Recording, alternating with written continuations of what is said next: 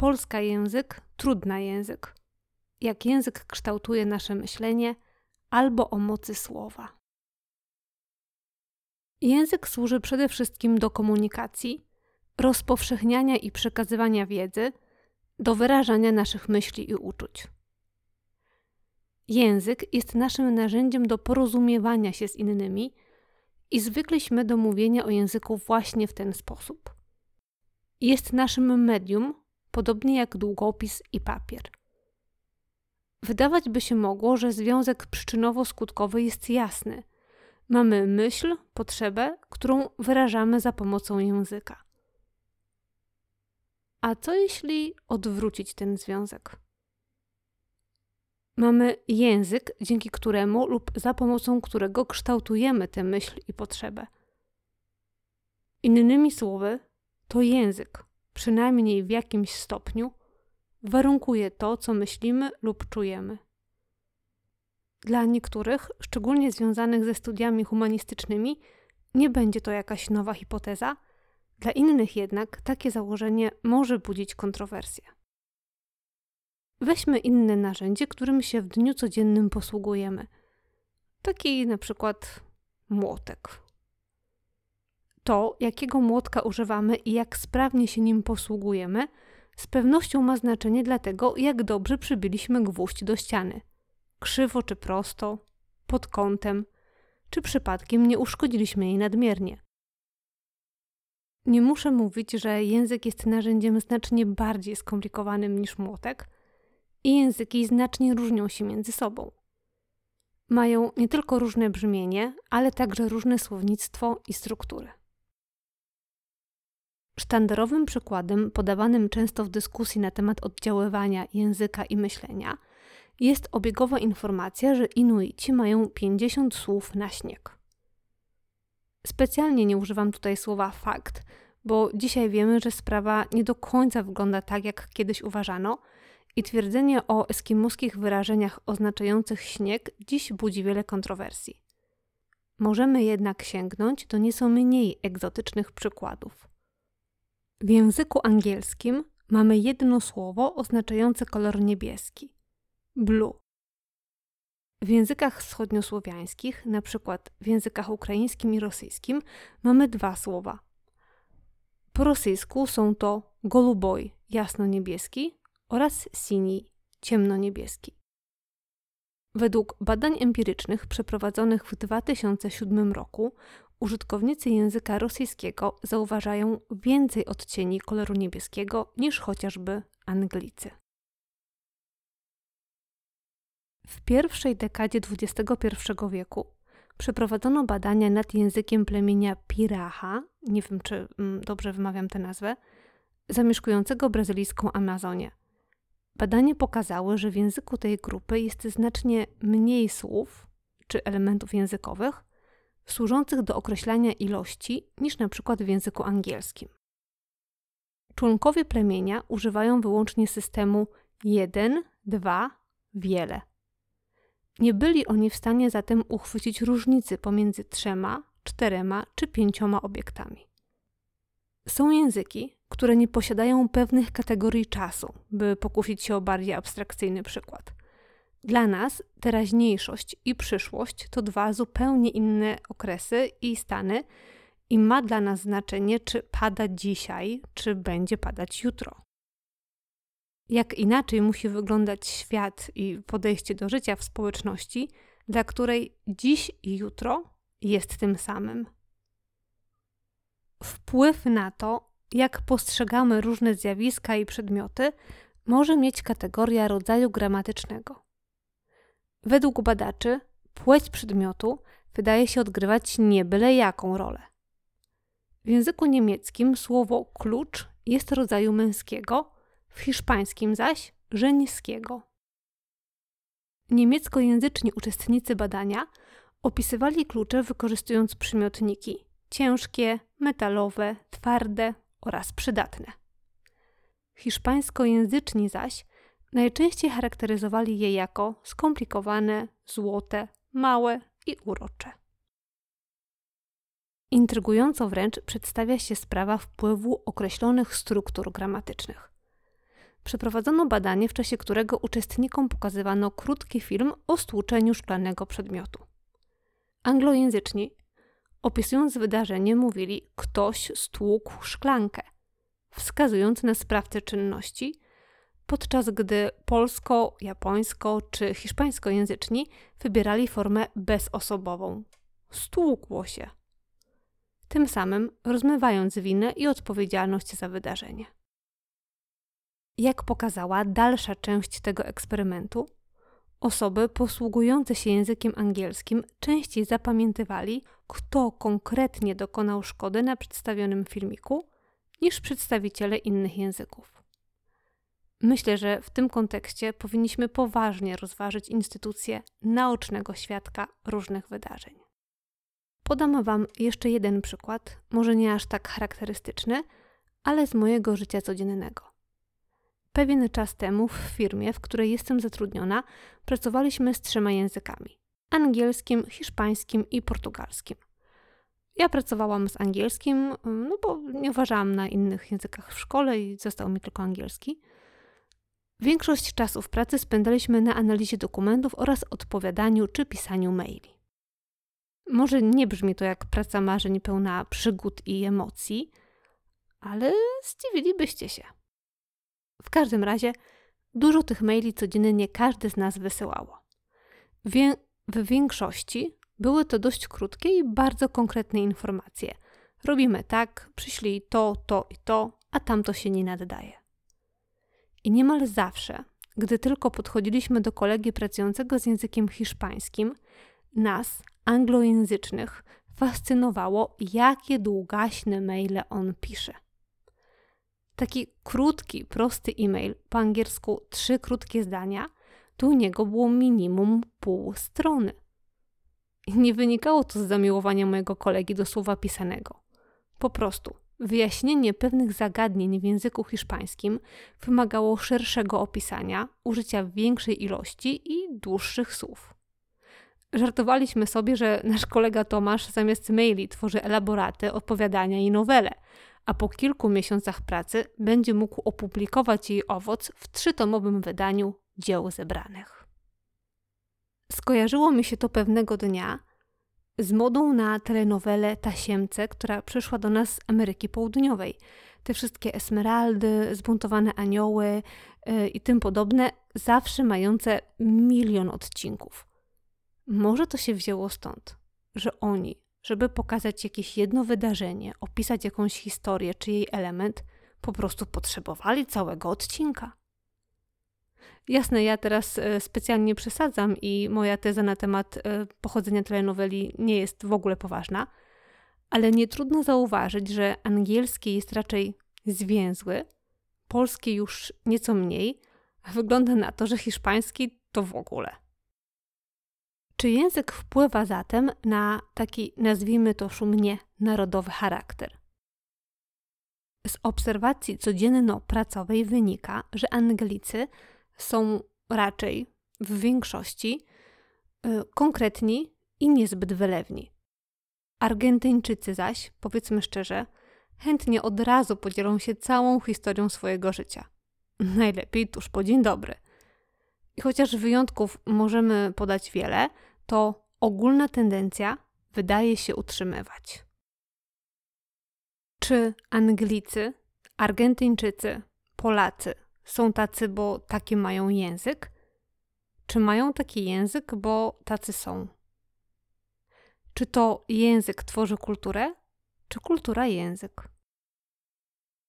Dla żyjącego w XVIII wieku niemieckiego językoznawcy Wilhelma von Humboldta Oczywistym było, że język jest duchem narodu, w którym odbija się jego światopogląd i który wpływa na poznawanie rzeczywistości. Pytanie, czy język kształtuje nasze myśli i wpływa na nasze postrzeganie świata, zadawano sobie już zresztą wcześniej. Lera Borodycki, kognitywistka zajmująca się językiem i poznaniem, w swoim wystąpieniu w ramach TED, który Wam przy okazji polecam, przywołuje słowa Karola Wielkiego, twierdzącego, że znać inny język to jak posiadać drugą duszę. Martin Luther zaś powiedział, że różne języki mają swoje specyficzne cechy w pojmowaniu świata. nad wzajemną relacją świadomości i języka, nad tym, czy język w jakimś zakresie, a jeśli tak, to w jakim, warunkuje to, kim jesteśmy, zastanawiali się i filozofowie, i psycholodzy, filolodzy, psycho- i socjolingwiści, a także kulturolodzy. Ogromne znaczenie dla rozważań nad językiem ma teoria relatywizmu językowego i wpisana w ten nurt hipoteza Sapira-Whorfa, zrodzona w pierwszej połowie XX wieku. I głosząca w skrócie, że ludzkie myślenie jest wręcz zdeterminowane przez język. Struktura naszego języka warunkuje sposoby ujmowania rzeczywistości przez człowieka i stan jego świadomości. Hipoteza ta nie została nigdy w 100% potwierdzona i, jak to bywa, prócz fanów, miała i wielu przeciwników. Oponenci zarzucają hipotezie uzależnienie całego procesu poznawczego od języka, wykluczenie przetłumaczalności języków, a także chociażby możliwość porównywania różnych poglądów.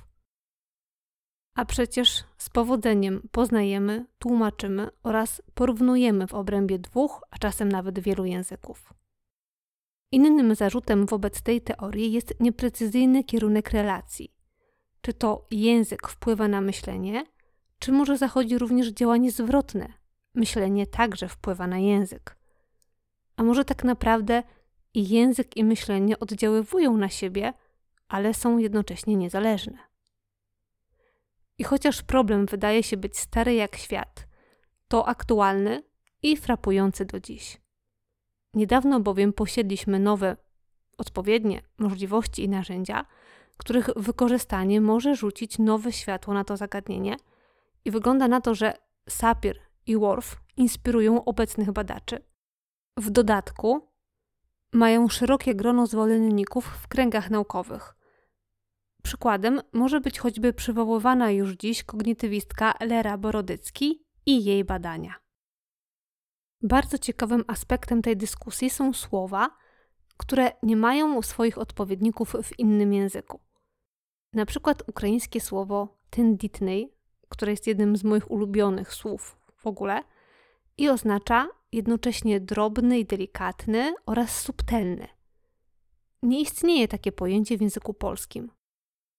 I to znaczy, trochę nie ma czegoś takiego.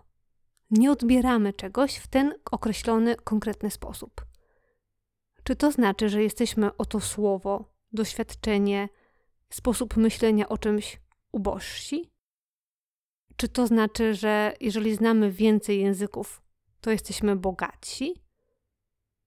Chyba tak. Ale w takim razie skąd ja potrafię zrozumieć to słowo? Jak ja się go nauczyłam, skoro dla mnie nie istnieje?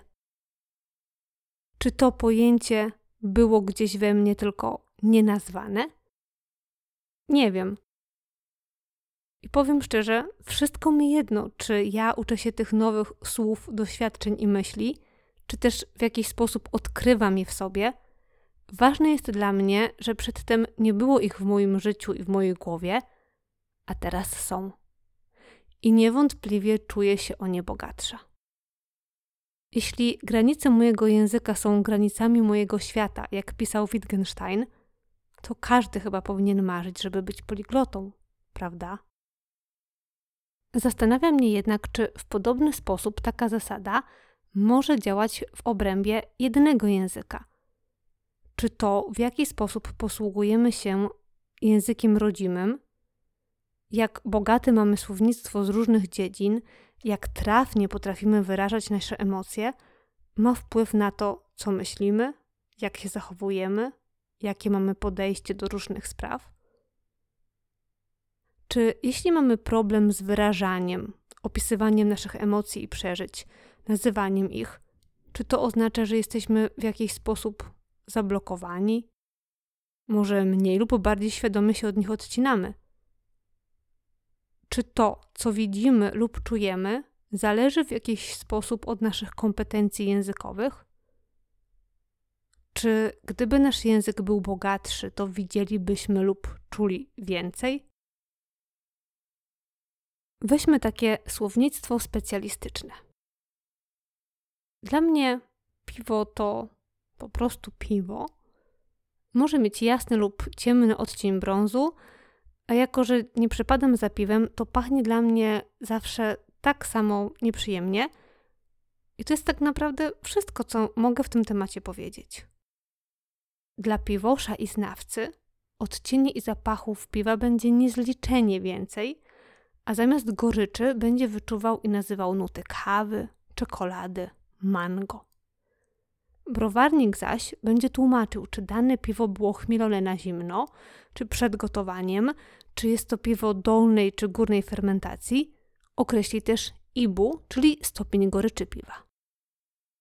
Dla mnie świat piwa wydaje się ubogi i zwykle niezbyt smaczny. Ale czy kiedy poznam odpowiednie słownictwo z tego zakresu, stanie się inny? Albo słownictwo dotyczące pokrewieństwa. Dzisiaj brat mamy lub taty to wujek, a jego żona to ciocia. Jeszcze nie tak dawno wujkiem był wyłącznie brat matki, brat ojca zaś był stryjem. Żona wujka była wujną lub wujenką, a żona stryja stryjenką. Dzisiaj wujek to wujek, a ciocia to ciocia i nie ma znaczenia mm, jego lub jej konkretne pochodzenie. To może nawet nie być rodzeństwo naszych rodziców. Wraz z odejściem do lamusa odpowiednich słów, przestaliśmy dostrzegać ten niuans. Nasze postrzeganie świata stało się o ten aspekt uboższe. Do rozważań na temat wpływu naszego języka na to, jak widzimy świat, nad mocą i rolą słowa w naszym życiu, skłoniły mnie warsztaty, w których niedawno wzięłam udział. Nie wiem jak Wam, ale mnie 2021 wydaje się póki co łudząco podobny do 2020. Nie macie takiego wrażenia? To jednak, co według mnie było pozytywnym rezultatem 2020, a czego żniwa zbieramy w tym roku, to odkrycie, że nasze małe mieszkania, biurko albo stolik kawowy może z powodzeniem stać się centrum sterowania światem. Możemy z sofy w salonie prowadzić spotkania biznesowe na wysokim szczeblu i brać udział w międzynarodowych konferencjach bez wychodzenia z domu.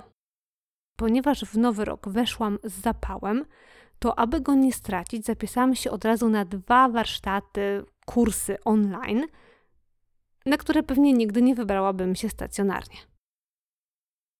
Na jeden z nich nie ma określonego terminu, więc oczywiście jeszcze z nim nie ruszyłam – Drugi zaś wymagał regularnych działań i nazywał się Klub Otwartej Szuflady.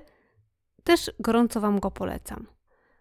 Był to pięciotygodniowy, online'owy klub, warsztat pisarski, bo z pewnością nie był to typowy kurs. Dla mnie to było przede wszystkim niesamowite doświadczenie, cudowna, ciepła i dająca energetycznego kopa atmosfera.